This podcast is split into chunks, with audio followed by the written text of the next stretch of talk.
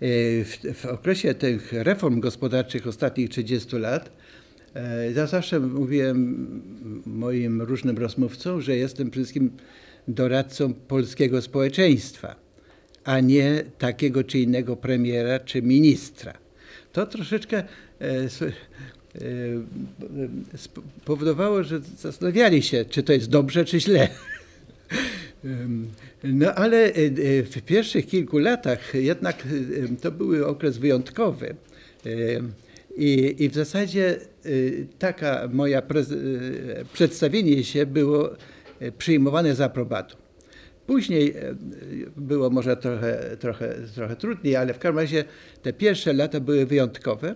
I przy okazji może ja e, e, zachęcę Państwa, może nie wszyscy, szczególnie studenci, mogą nie wiedzieć, e, że jako doradca kolejnych rządów na początku zgromadziłem dużą ilość dokumentów.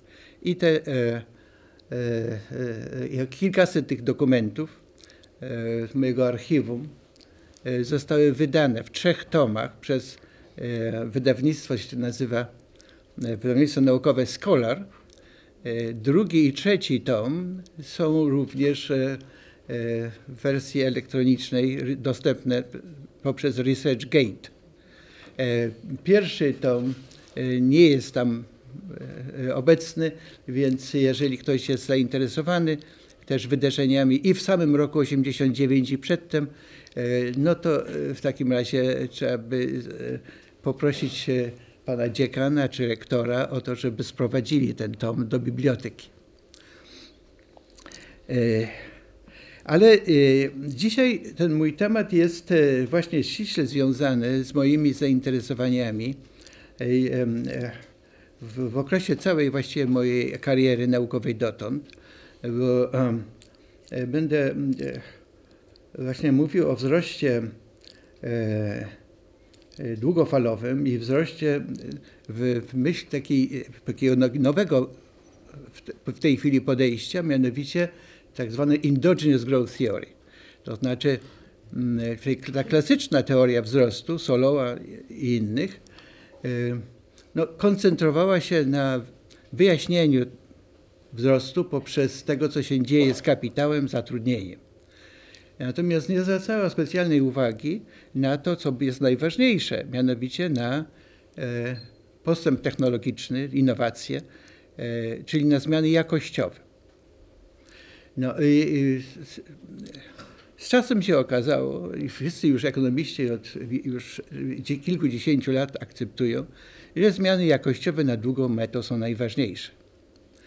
No, bo e, w przypadku kapitału kapitał środków trwałych, obrotowych związany z inwestycjami, a inwestycje to jest część dochodu narodowego. Czyli, yy, czyli jednym słowem, kapitał nie jest tym ostatecznym źródłem wzrostu. Prawda? Po prostu wpływa na, yy, na wzrost dochodu narodowego, ale dochód narodowy wpływa na to, ile mamy tego kapitału. E, na, na długą metę również nie jest ważne PKB jako całość, tylko raczej PKB na roboczogodzinę albo na mieszkańca, bo od tego zależy standard życia. Czyli jednym słowem, e, takie nowe, takie podejście długofalowe e, jakby koncentruje uwagę na to, co naprawdę wpływa na długą metę, to znaczy na dziesiątki lat, na setki lat, na poziom PKB na roboczogodzinę czy na mieszkańca. No i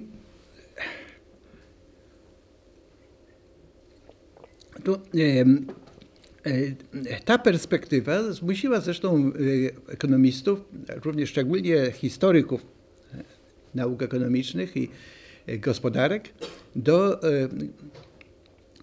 spojrzenia bardzo długofalowego. I jednym z takich jest Angus Madison, e, e, ekonomista, który w 2007 roku opublikował w Oxford University Press, wydał taką książkę e, o gospodarce światowej właściwie od początku nowej ery to, czy przez ostatnie 2000 lat, koncentrując się głównie na tym, co się działo przez ostatnie tysiąc lat. I te jego badania w podsumowaniu e, sprowadziły się do takiej właśnie e, uwagi, że ten okres tych ostatnich tysiąc lat trzeba by podzielić na trzy okresy. Pierwszy to jest średniowiecze. Może pokażemy pierwszą stronę. Średniowiecze to, to są lata 1000-1500 i on y, przez te swoje badania doszedł do wniosku, że średnio, średnioroczne tempo wzrostu na świecie, globalne, głównie tu w, w Europie, ale obejmuje właściwie tak cały świat, właśnie było tak, jak tu jest na tablicy, 0,05% rocznie, czyli 5% w ciągu wieku. 5% w ciągu wieku. Czyli jednym słowem, w ciągu jednej generacji, 20-30 lat, mamy przyrost PKB na mieszkańca bliski zero. Przyrost. To znaczy praktycznie zerowe tempo wzrostu. Bardzo niskie tempo wzrostu. E, mało tego, e, możemy wtedy też zauważyć, że właściwie ten, to niskie tempo wzrostu charakteryzowało całą globalną gospodarkę. To znaczy było dużo różnych krajów, owszem, ale o mniej, mniej więcej podobny poziom PKB na mieszkańca i podobne, podobne bliskie zeru tempo wzrostu. Potem mamy przedkapitalistyczny okres, 1500-1820, nieco wyższe tempo wzrostu, ale niewiele wyższe. Prawda? I, i, I wreszcie jest ten trzeci okres, który jest zupełnie inny. Z tempem wzrostu blisko 20 razy wyższe niż w poprzednich dwóch epokach. E, e, prawda? Tak jak tu jest pokazane, średnioroczne 1,3%. I to jest ten tak zwany okres e, już kapitalizmu.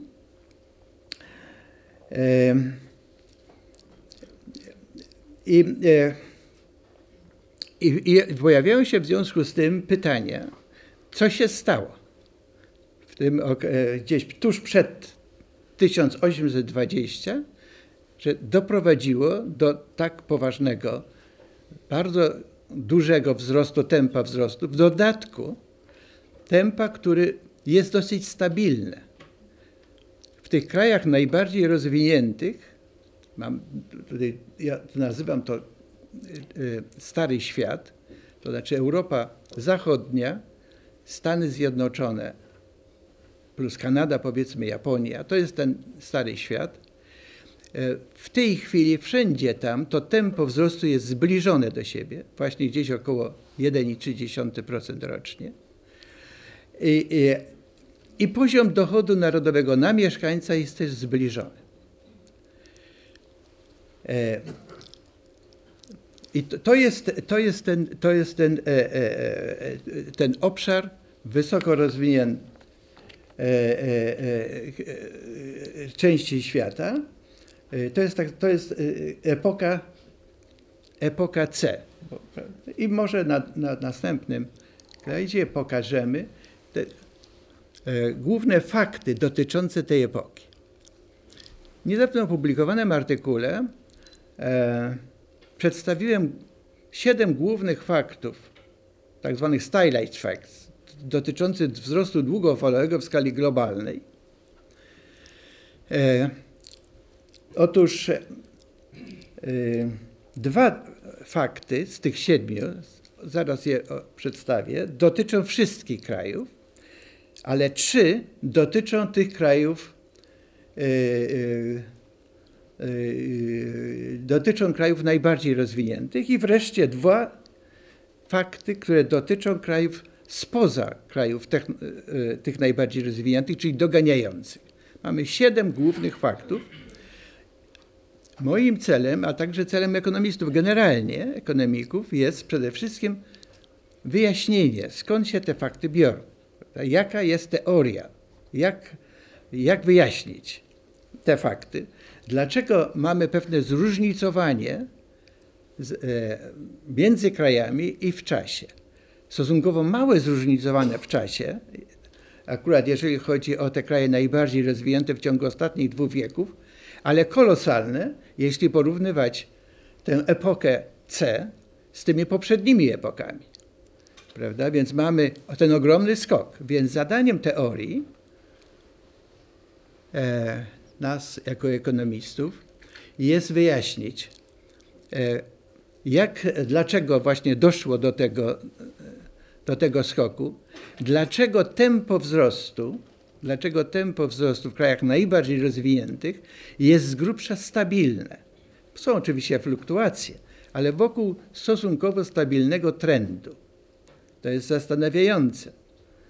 E, I dlaczego w tych krajach e, poza tym obszarem, tych, tym najbardziej rozwiniętym, jak nazywam to technology frontier area, w tym sensie, że w tych krajach najbardziej rozwiniętych używamy tej najbardziej zaawansowanej technologii, technology frontier area.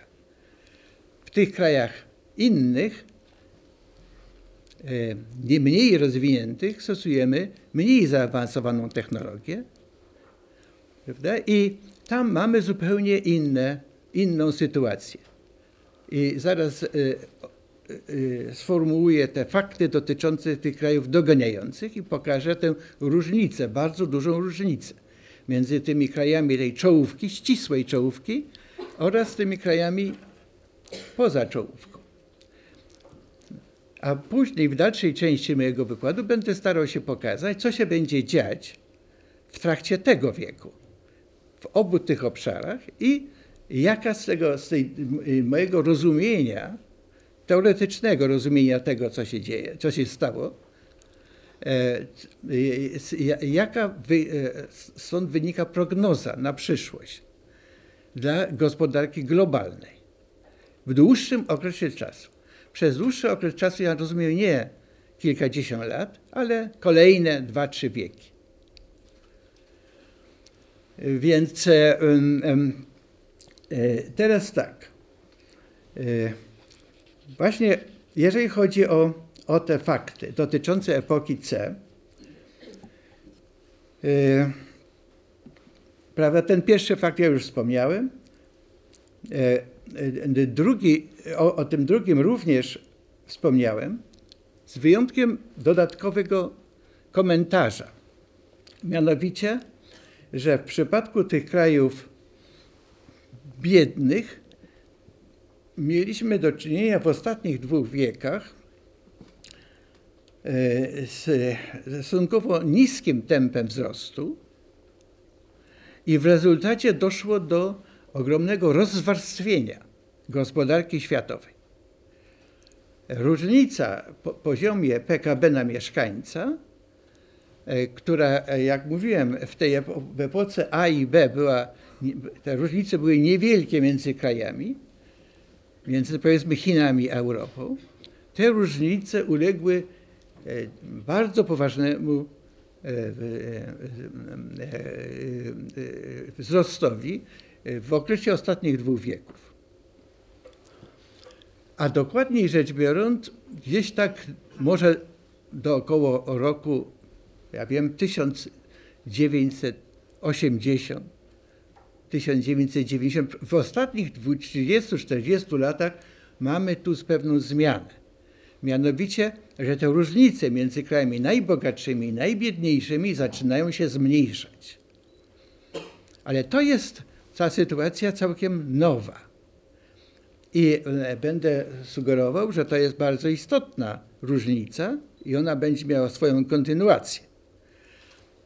Ale zanim doszło do tego rozpoczęcia tego nowego okresu, tej konwergencji, mieliśmy e, bardzo dużą dywergencję. E, e, zwiększanie się tych różnic między tą czołówką, które, o której mówiłem, ten stary świat, prawda, i, i, i, i tymi innymi krajami. Więc jeżeli z kolei spojrzeć jeszcze na, na ten właśnie ten mój podstawowy, podstawową zależność na długą metę wzrostu gospodarczego, to znaczy jeżeli nie kapitał, to co? To, to są te zmiany jakościowe, które decydują, czyli tempo zmian jakościowych. A co rozumiemy przez zmiany jakościowe? Co ja rozumiem w tym e, pojęciu? To są przede wszystkim zmiany bezpośrednio, to są zmiany technologiczne oraz zmiany w kwalifikacjach pracowników. E, to są te bezpośrednie e, źródła wzrostu gospodarczego i pośrednie to z kolei to są, to jest, to, to, to są instytucje i polityka ekonomiczna, która wpływa na, na, na, na to, co się dzieje w tym obszarze bezpośrednim, to znaczy szkolnictwo i zmiany technologiczne. E, przy czym jeżeli chodzi o zmiany technologiczne, od razu trzeba zauważyć, że one e, są, e, ich źródłem w krajach wysoko rozwiniętych, tych najbardziej rozwiniętych, jest własny sektor research and development. W tych najbardziej rozwiniętych. Natomiast wszystkich pozostałych y, to nie jest to własny, własna aktywność innowacyjna, tylko transfer technologii z krajów bardziej rozwiniętych do, do tych mniej rozwiniętych. Więc mamy bardzo istotną różnicę, jeżeli chodzi o źródło tych zmian technologicznych między tymi dwoma e, krajami. Ja do tego jeszcze wrócę. Więc e, e, może teraz następna strona już jest, już Państwo widzą. Chodzi o główne fakty dotyczące krajów bogatych.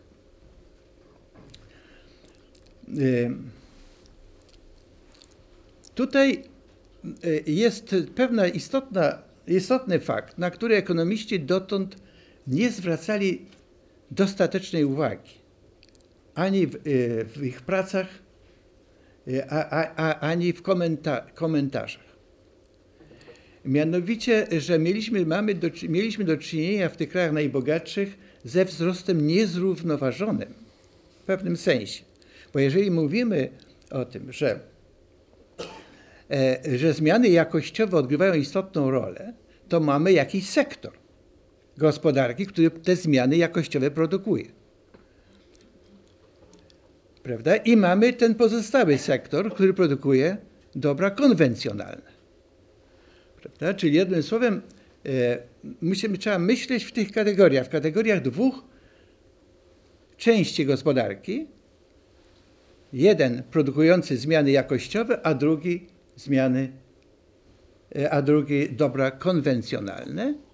I jest teraz pytanie, e, jakie, e, jakie jest, jest tempo wzrostu każdego z tych dwóch działów. Otóż w ostatnich dwóch wiekach, w tych krajach najbogatszych, tempo wzrostu sektora produkującego zmiany jakościowe było dużo wyższe niż tempo wzrostu sektora produkującego dobra konwencjonalne. Przez tempo wzrostu sektora ja właściwie rozumiem tempo wzrostu nakładów w danym sektorze. Jednym słowem, tempo wzrostu kapitału i zatrudnienia w sektorze produkującym dobra konwencjonalne e, e, było mniej więcej takie jak z całego PKB, to znaczy gdzieś tam około 1% z groszami.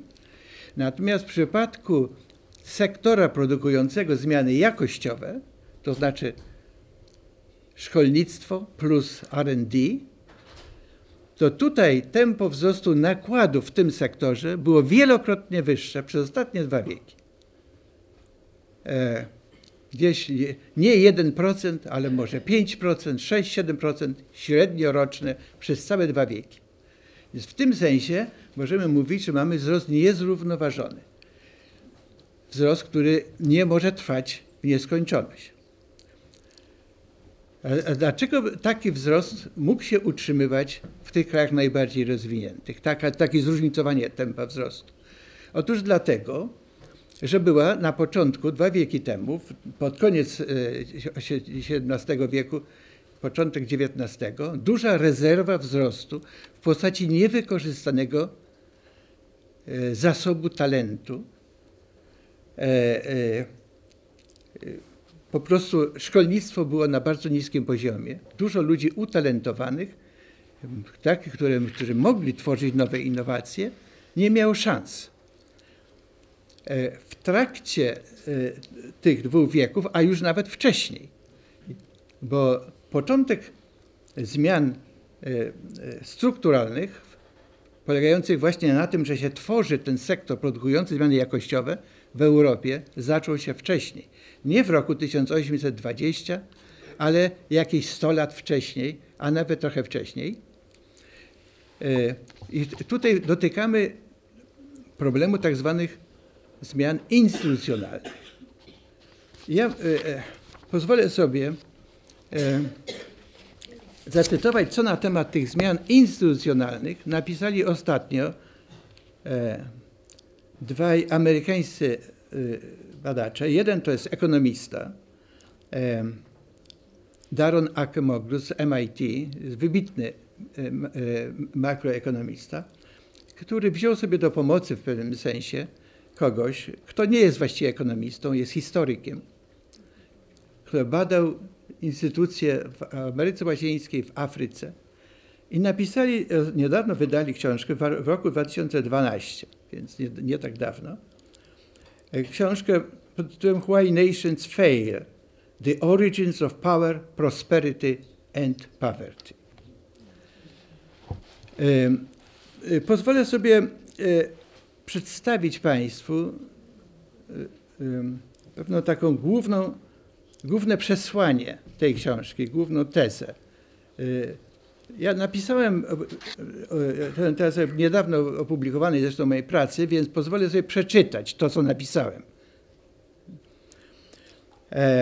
Więc mówię tak, piszę tak w ten sposób, że przesłaniem książki tych dwóch autorów jest teza, że the most common reason why nations fail today and why they have failed also in the past is because they have economic and political ext extractive institutions. Oni rozróżniają między tak zwanych extractive institutions i, i, i, i instytucje, które właśnie są um, inducive to change. Um, e, e, oni e, mówią w ten sposób, że autorom chodzi o mniej lub bardziej ekstremalne sytuacje, kiedy elity polityczne tworzą instrumenty prawne lub nawet podejmują działania bezprawne, które służą do przejmowania znacznej, czasem bardzo dużej części bogactwa tworzonego przez innych, w tym przede wszystkim przez innowatorów i przedsiębiorców. Tam, tam gdzie oni mówią o tych tak zwanych extractive institutions, te, które utrudniają postęp. I rezultatem istnienia takiej instytucji jest niskie zainteresowanie potencjalnych innowatorów i potencjalnych przedsiębiorców do wymyślania e, i wprowadzania w życie pożądanych zmian jakościowych.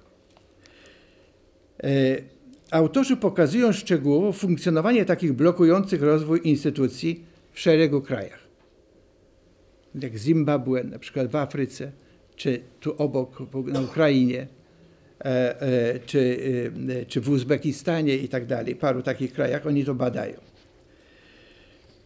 Autorzy opisują też przykłady ważnych reform, które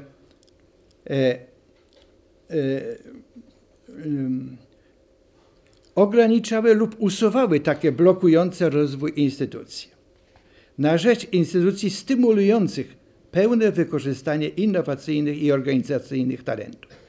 I tu zaczyna się historia, bo mówią, że do takich reform zaliczają przede wszystkim rewolucję polityczną w Anglii w roku 1688, czy gdzieś w okolicy, której konsekwencje społeczne i edukacyjne zapoczątkowały mniej więcej wiek później rewolucję przemysłową w Anglii, z czasem także w Europie Zachodniej i Stanach Zjednoczonych. Czyli tu jest początek właśnie tej, tego okresu kapitalistycznego tu w Europie i na świecie, który zaczął się ich zdaniem mniej więcej wiek wcześniej, właśnie e, tą rewolucją e, w Anglii, później zresztą rewolucją francuską, która obejmowała, e, której efekty były odczuwalne w całej tu Europie. No a w przypadku Stanów Zjednoczonych mamy do czynienia przecież z emigrantami z Europy tam, czyli Stany Zjednoczone przejęły instytucje tu stworzone, sądownictwo i tak dalej. I w gruncie rzeczy Stany Zjednoczone są jak gdyby um, takim przedłużeniem Wielkiej Brytanii w tamtym okresie i z ich proinnowacyjnymi instytucjami. I tutaj oni mówią w ten sposób, że drugim takim ważnym przykładem jest rewolucja w Chinach w roku 1979 E, e, e, I do takich fundamentalnych reform należą też zmiany w Europie kontynentalnej, znaczy francuskiej, to już mówiłem o tym, ale także w Japonii w rezultacie rewolucji Meiji w roku 1868, zainicjowanej przez pewnego cesarza Matishito, w rezultacie której władzę utraciło 250 regionalnych E, oligarchów, pojawiły się par, parlament i konstytucja, oraz, a później też transformacje ustrojowe w Europie Środkowej i w byłym ZSSR. To też te zmiany, które teraz nastąpiły całkiem niedawno w tej części świata, zmiany głównie instytucji, oznaczają odblokowanie e, tych e, procesów, które dotąd hamowały innowacyjność, naturalną innowacyjność. Więc słowem, tu mamy, e, chodzi o ten właśnie te kraje najbardziej rozwinięte, to tutaj mamy tę istotną rolę tych zmian instytucjonalnych, e, e, które powodu, spowodowały, że w Europie Zachodniej, najpierw w Wielkiej Brytanii, ale prawda, mieliśmy też Holandię, północne Włochy, Francję dwa wieki temu, a później Stany Zjednoczone, tutaj prawda, powstał ten system ekonomiczny, instytucjonalny, który sprzyjał wprowadzaniu e, innowacji, który e, promował innowacyjność. E, I to była sytuacja stosunkowo wyjątkowa. Z czymś takim nie mieliśmy do czynienia ani w Chinach, ani w Afryce, czy jeszcze paru innych y, częściach świata przez większość tych ostatnich 200 lat. Zaczęły się zmiany tego rodzaju dopiero całkiem ostatnio. W tym samym kierunku idące. Ale dopóki tych zmian nie było, to mieliśmy kontynuację tego duże, rosnącego zróżnicowania.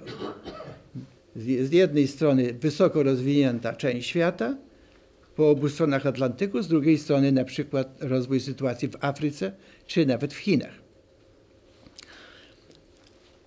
Dopiero y, w tych ostatnich 30-40 latach mamy pod tym względem zmianę. Właśnie zmianę dotyczącą tych krajów, które przedtem, e, gdzie przedtem ta innowacyjność była hamowana. Znaczy przede wszystkim myślę tu o Chinach, E, także o Indie, e, no i także tu Europa Centralna, były ZSSR, tu i ówdzie nawet w Afryce czy Ameryce Południowej. Więc mamy początek nowego procesu, zapoczątkowanego tymi zmianami instytucjonalnymi, które powodują, że zdolność e, innowacyjna w tych krajach rośnie. Przy czym jeżeli chodzi o Chiny i te inne kraje doganiające tak zwane, to w pierwszym początkowym okresie tu nie chodzi o ich własną innowacyjność w sensie nowe patenty, nowe, e, w sensie jakiś wkład do światowego, światowej produkcji innowacji. chodzi raczej o innowacyjność gospodarki polegająca na większej absorpcji tego, co zostało wymyślone gdzie indziej. I, ale oczywiście ta zdolność absorpcyjna jest zróżnicowana między krajami i tu mamy znów wpływ polityki gospodarczej. Więc może e, e, e, weźmiemy ten, następną stronę, bo chodzi o te właśnie główne fakty dotyczące tych krajów biedniejszych.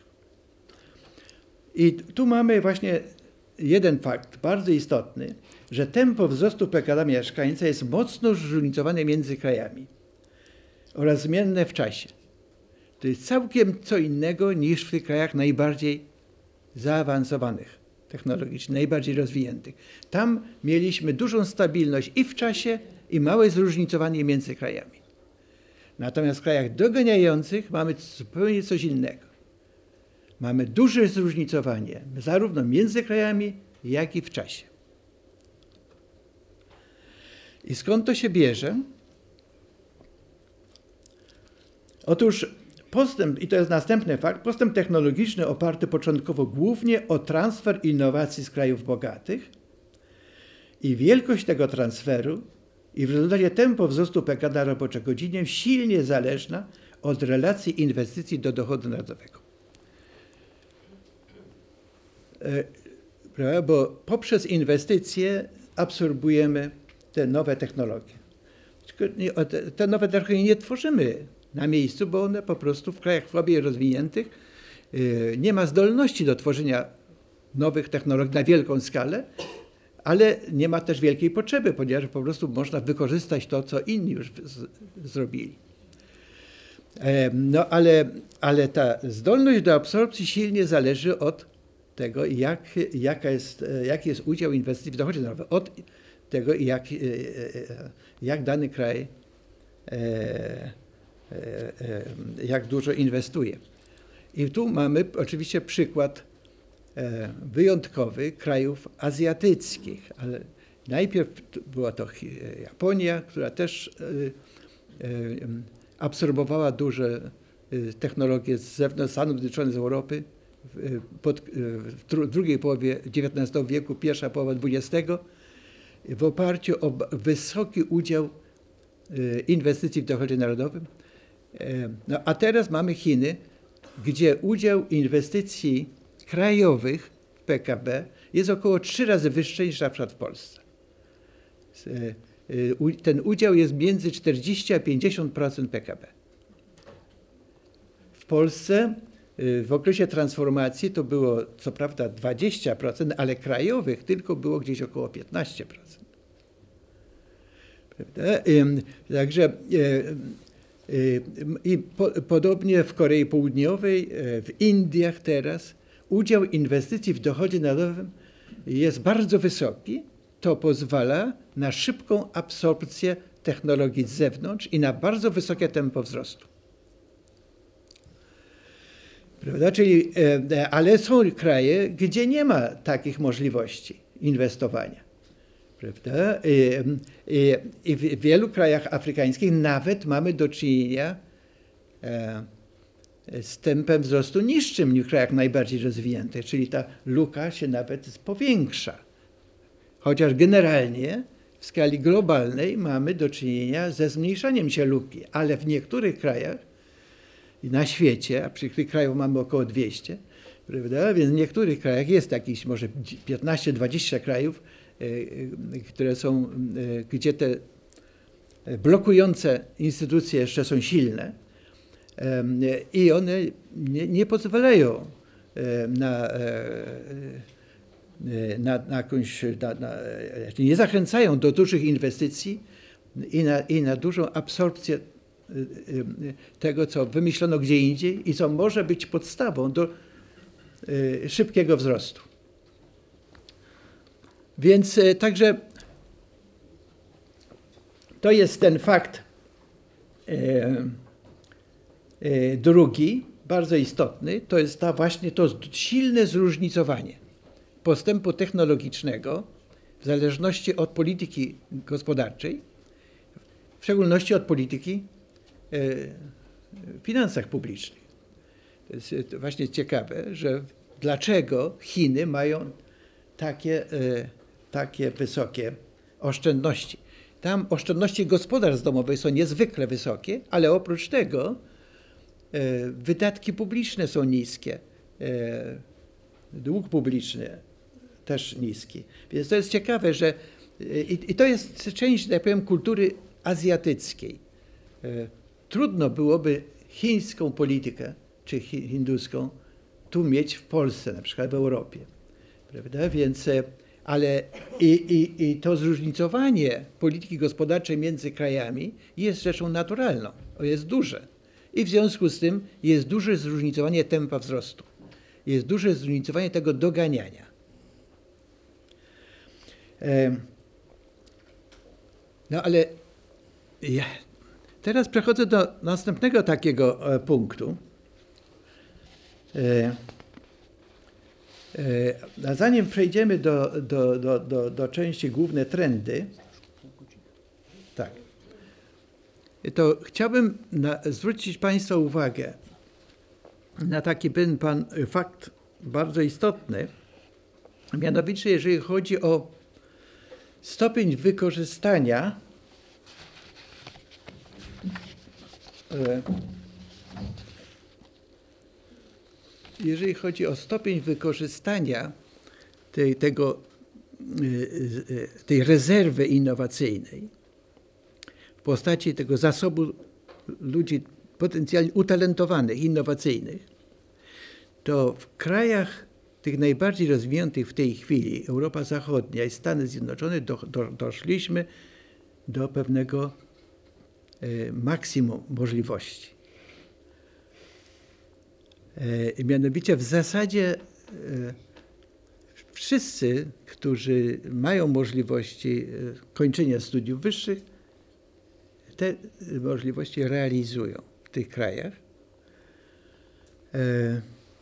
To jest, no, to jest sytuacja taka, która, która, nie była, która jest czymś nowym, prawda? bo początkowo, dwa wieki temu, bardzo niewielki procent osób, które potencjalnie były innowatorami, mogło nabywać odpowiednie wykształcenie, być e, przedsiębiorcami. Więc, e, więc e, doszliśmy tutaj do pewnego, pewnego, pewnego pułapu możliwości. I, i, I, w związku z tym, gdyby nie było i, i, tych, tego, tego, tej rezerwy innowacyjnej poza Stanami Zjednoczonymi i Europą Zachodnią, to należałoby oczekiwać silnego spadku stopy innowacji w tych krajach najbardziej rozwiniętych, czyli globalnie.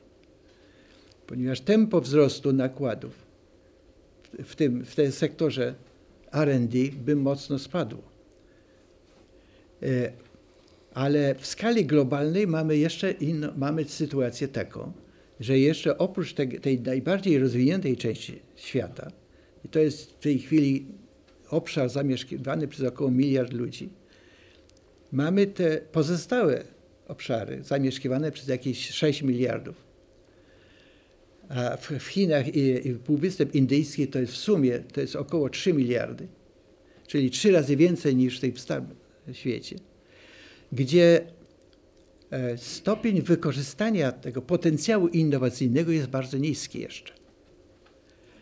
I w związku z tym przez najbliższe jeszcze ileś tam lat, dziesiątki lat, może przez cały wiek, będziemy mieć e, rosnący stopień wykorzystania w skali globalnej, oparty o rosnący stopień wykorzystania talentu innowacyjnego w tych krajach doganiających.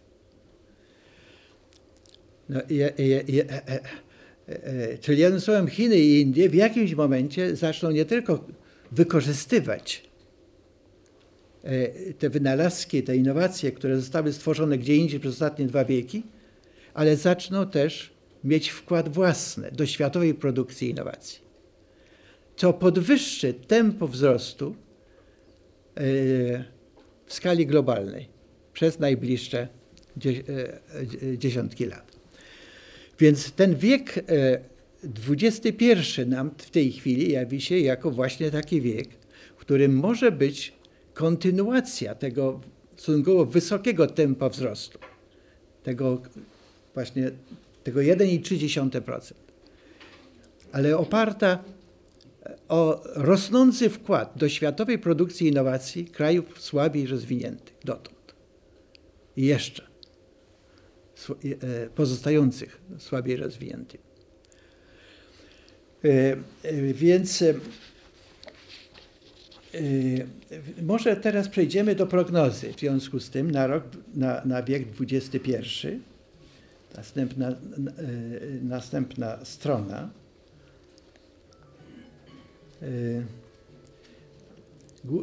Tak, chodzi teraz o prognozę dotyczącą wieku XXI. Więc tutaj mam kilka propozycji. Mianowicie mamy poszerzenie grupy krajów bogatych w pierwszej połowie wieku.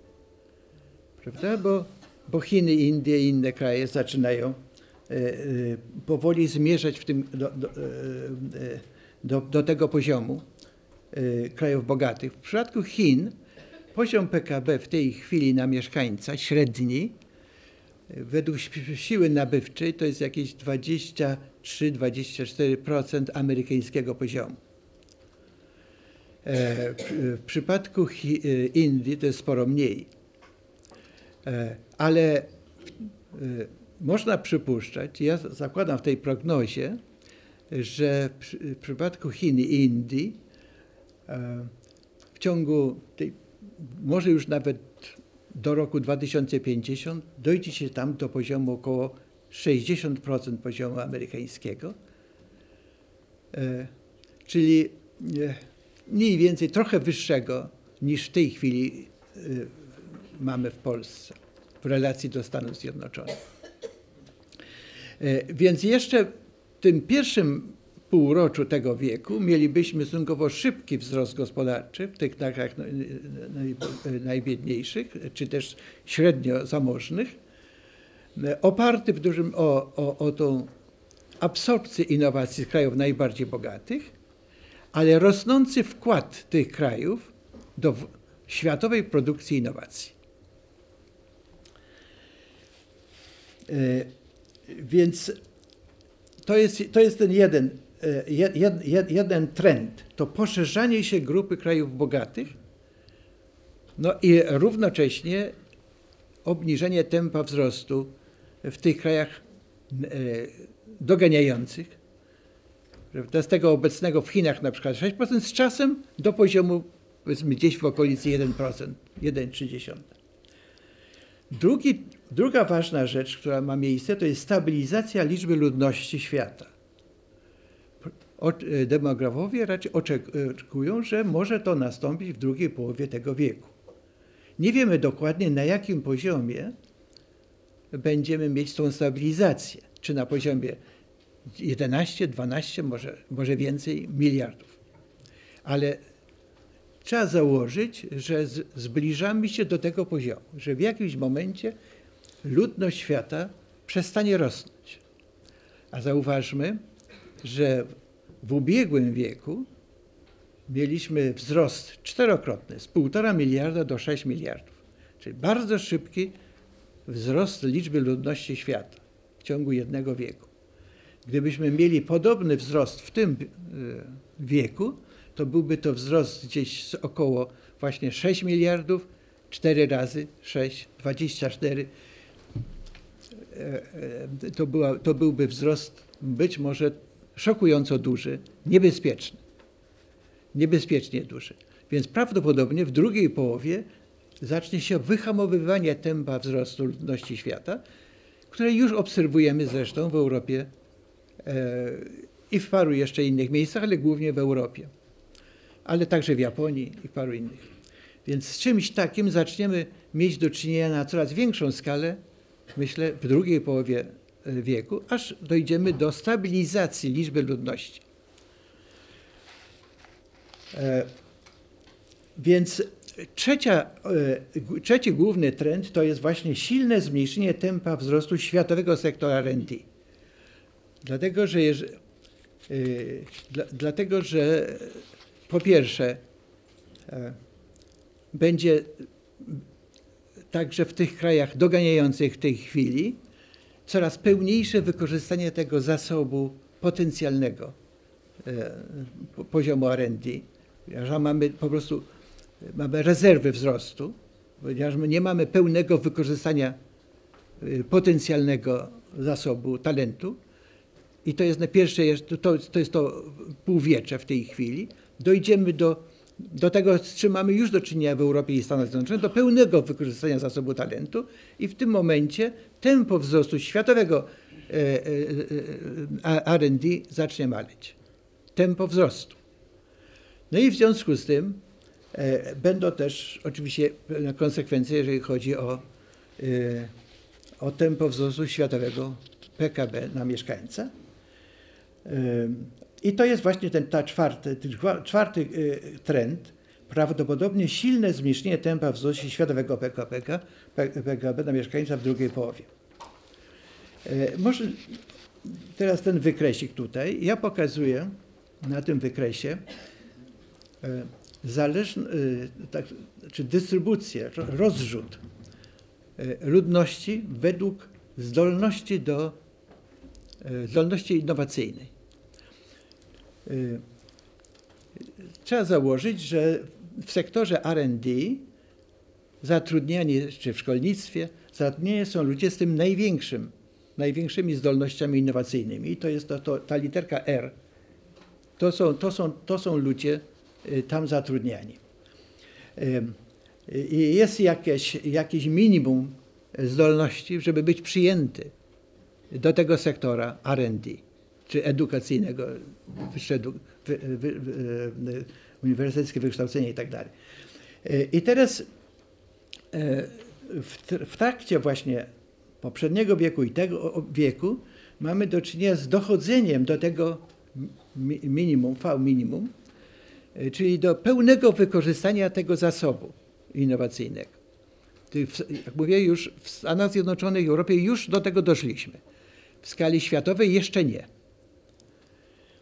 E, ale jest jeszcze druga możliwość na zwiększenie liczby e, zatrudnionych, mianowicie przez zwiększenie liczby ludności. I z tym mieliśmy do czynienia teraz, czyli ten wykres szedł w górę też. Prawda? I w związku z tym ten obszar tutaj obszar, e, zakres kowany, to jest ta, ta, ta liczba ludności pracująca na rzecz innowacyjności w skali globalnej rosła. Także z tego powodu. Także mieliśmy tutaj dwie, dwa powody tego, tego wysokiego, wyjątkowo wysokiego tempa wzrostu innowacyjnego w skali światowej. Jeden to to, żeśmy po prostu y, szli w kierunku tego V minimum, to znaczy pełniejsze, coraz pełniejsze wykorzystanie zasobu talentów, a drugie zwiększanie się liczby ludności. Więc i, i w trakcie obecnego wieku będziemy mieć do czynienia z wygaszeniem obu tych źródeł, bo liczba ludności na świecie się powoli ustabilizuje, czyli już nie będzie tego wzrostu liczby innowatorów z racji tego, że liczba ludności rośnie, a drugie, po drugie, że już będzie pełne wykorzystanie w jakimś momencie E, tych ludzi, którzy mają tę zdolność. Prawda? Czyli nie będzie tego nadzwyczaj wysokiego tempa wzrostu e, e, liczby nauczycieli akademickich, innowatorów, przedsiębiorców, z którymi mieliśmy do czynienia przez ostatnie dwa wieki. No teraz przechodzimy do, w związku z tym do następnego wykresu. Oto jest prognoza tempa wzrostu to jest, związane, znaczy jest, mam pracę, y, gdzie jest pewna, pewna teoria, która produkuje, że tak powiem, ten wykres. Y, y, to jest takie rozszerzenie, moje rozszerzenie takiego modelu Phelpsa, już dosyć dawnego, z roku 1966. Moja, moja pierwsza praca dotycząca poszerzenia tego, to jest Review of Economic Studies z roku 2007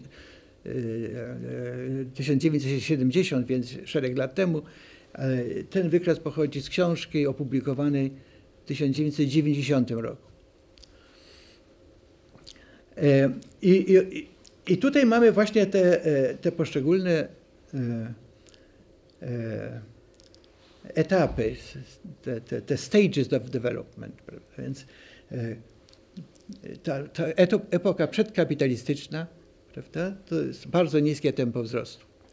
Potem to, to o czym mówiłem, czy ten, ta rewolucja technologiczna tu w Europie, która się potem przeniosła do Stanów Zjednoczonych y, i ona obejmuje także teraz y, Chiny, Indie, prawda? czyli będziemy mieć kontynuację tego, w zasadzie kontynuację tego, co mieliśmy dotąd, jeszcze przez jakiś czas. Prawda? To dokładnie nie wiemy, jak długo, przynajmniej do połowy tego wieku, być może trochę dłużej. E, no a potem y, mamy y, spadek tempa wzrostu. Możemy następną stronę. To jest właśnie ten e, etap czwarty, to jest jeszcze następna. Tak. Te liczby tutaj N1, N2 to są tempa wzrostu zatrudnienia w sektorze produkującym innowacje. E, e, zatrudnienia, które służy do produkcji, e, do, do produkcji maszyn i urządzeń w tym sektorze R&D, to jest N1, a N2 to jest tempo wzrostu pracowników w tym sektorze. Więc kapitał i zatrudnienie w sektorze produkującym innowacje. Prawda? Więc y, w przeszłości N1 i N2 było dużo wyższe niż N, tempo wzrostu ludności. Prawda? Był wzrost niezrównoważony. Ale w jakimś momencie musimy dojść do wzrostu zrównoważonego, właśnie kiedy te trzy, trzy tempa są takie same. I to jest, to jest ten y, ten etap oznaczony literą, oznaczony czwórką, ale później mamy kontynuację tego i to jest piątka, y, piątka, piątka, kiedy tempo wzrostu ludności jest zero. A więc i również i tempo wzrostu zatrudnienia w sektorze R&D zero. Czyli tempo wygasza nam się wzrost e, zatrudnienia i wzrost zasobów produkujących nowe innowacje. Czyli mamy, e, to jest nowa sytuacja, e, niższe tempo wzrostu z dwóch powodów. Właśnie jednym z nich jest stabilizacja liczby ludności, zerowe tempo wzrostu i zerowe tempo wzrostu tych e, kapitału i zatrudnienia w sektorze produkującym innowacje. Przy czym ta teoria tutaj, moje rozszerzenie właściwie modelu Phelpsa implikuje, że będziemy mieć systematyczne wtedy zmniejszenie tempa wzrostu. Nie będzie to spadek do zera od razu, ale perspektywicznie czy asymptotycznie tempo wzrostu PKB na mieszkańca spada. Będzie spadać i w niespróżnej skończoności zero. Czyli jednym słowem będzie to tempo wzrostu ciągle jakieś dodatnie, ale malejące. Czyli w, czyli w tej perspektywie, odległej perspektywie ta teoria przewiduje, że w gruncie rzeczy pod względem tempa wzrostu wrócimy do tego, co mieliśmy przed rewolucją. Różnica będzie w poziomie. Poziom PKB na mieszkańca wielokrotnie, dziesiątki razy większy niż to było przed rewolucją. A więc to jest ta, e, ta zasadnicza różnica. E, no, ja nie, chyba mam, nie mam wrażenie, że już nie będę mógł tego Państwu opowiedzieć. Y, bo jest, jest również prognoza, tutaj mam też prognozę dotyczącą tego, co się będzie dziać w stosunkowo bliskiej przyszłości. Mianowicie mam taką trochę dla, do celów, nazwijmy to, mm, y, takich dyskusji. Y, y, mam prognozę, jaką, jaką będziemy mieć sytuację w roku 2050 globalnie. Więc je, jeżeli pozwolisz, to, to ja to króciutko przedstawię. Mianowicie na tym tutaj wykresie ja pokazuję, sytua- porównuję sytuację w roku 2050 z tym, co mamy teraz, przy założeniu, że w roku 2050 już w Chinach, Indiach, ale także tu w Europie Centralnej, Rosja i tak dalej, dojdziemy do, z poziomem PKB na mieszkańca do, na poziomie 60% poziomu amerykańskiego. I na tym poziomie się zatrzymamy. E, oczywiście to jest założenie takie ad hoc. Może to być 70%, może to być trochę mniej, może być trochę zróżnicowane. W każdym razie nie, o, e, e, nie oczekuję, żeby e, w Chinach czy gdzieś doszło do przekroczenia amerykańskiego poziomu PKB na mieszkańca. Po prostu te, e, ta, ta konkurencyjność, te, te, te, te, instytucjonalne czynniki, które działają w Stanach Zjednoczonych, e, są takie, że będzie bardzo trudno jakiemuś krajowi czy części świata przegonić Stany Zjednoczone. Więc e, jeżeli założyć, że właśnie dojdzie do, do osiągnięcia poziomu 60% w Chinach i Indiach, to jaką będziemy mieć sytuację w roku 2050? Otóż wtedy procentowy udział w światowym PKB e, w Chinach e, będzie mniej więcej taki, jak, jak, jest, jak, jest, e, jak jest teraz, to znaczy około 19% ale w przypadku Unii Europejskiej to będzie tylko 10%, więc połowa tego, co w Chinach. I również w Stanach Zjednoczonych. Mniej więcej taki sam jak w Unii Europejskiej, to znaczy też około 10% światowego PKB. Około połowa poziomu chińskiego. E, Indie e, mniej więcej między Stanami Zjednoczonymi a, e, a Chinami. E, e, inne kraje, Japonia i tak dalej, praktycznie się nie liczą. Więc mamy nową sytuację gospodarczą i geopolityczną, nazwijmy to, światową, w rezultacie tych zmian już w stosunkowo niedługim czasie, w roku 2050. E, e, prawda? Mianowicie e, właśnie tę wielką Y, dominującą rolę Chin. Przy czym jak weźmiemy, y, porównamy stary świat z nowym, to tutaj e, różnica może nie jest taka wielka, bo ten stary świat, to znaczy Europa Zachodnia, znaczy Unia Europejska plus Stany Zjednoczone i Japonia, to jest 23% gospodarki światowej więc to jest troszkę więcej.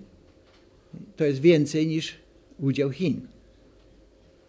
Prawda? Więc ten stary świat w dalszym ciągu się broni e, w, w, w konkurencji z Chinami. Ale oczywiście, e, e, gdyby doszło do jakiegoś sojuszu, nazwijmy to gospodarczego i innego, między Chinami i Indiami, no to wtedy wtedy, to, wtedy ten rozkład jest inny. Ale jest całkiem możliwe, trzeba za, raczej zakładać, że tam może też być element konkurencji między Chinami i Indiami. Prawda? I, i, i, I w tej sytuacji jest ten stary świat, ale pod warunkiem, że współpracuje ze sobą, to znaczy Unia Europejska i Stany Zjednoczone, że współpracują ze sobą. Stanowią e, e, od, e, do, dostatecznie dużą siłę gospodarczą, a w związku z tym także polityczną, militarną i tak dalej, technologiczną, naukową e, w relacjach e, e, z innymi częściami świata, w szczególności z Chinami i Indiami. Tym niemniej ta sytuacja jest inna zupełnie niż jest teraz, właśnie na skutek tego sukcesu, tego doganiania. Sukcesu doganiania przez kraje, które przez ostatnie dwa wieki były nie tylko zacofane, ale robiły się coraz bardziej zacofane. Sytuacja zaczęła się zmieniać w Chinach y, dopiero 40 lat temu, 30 lat temu i te zmiany są już dostatecznie zaawansowane i dostatecznie trwałe, że można przypuszczać, że ten stan, ten, ta prognoza, o której tu teraz wspominam, a czy dojście do z poziomem chińskiego PKB na mieszkańca 60% amerykańskiego jest, e, jest nie tylko niewykluczona, ale jest nawet prawdopodobna. Ja bym na tym zakończył może. Bardzo dziękuję.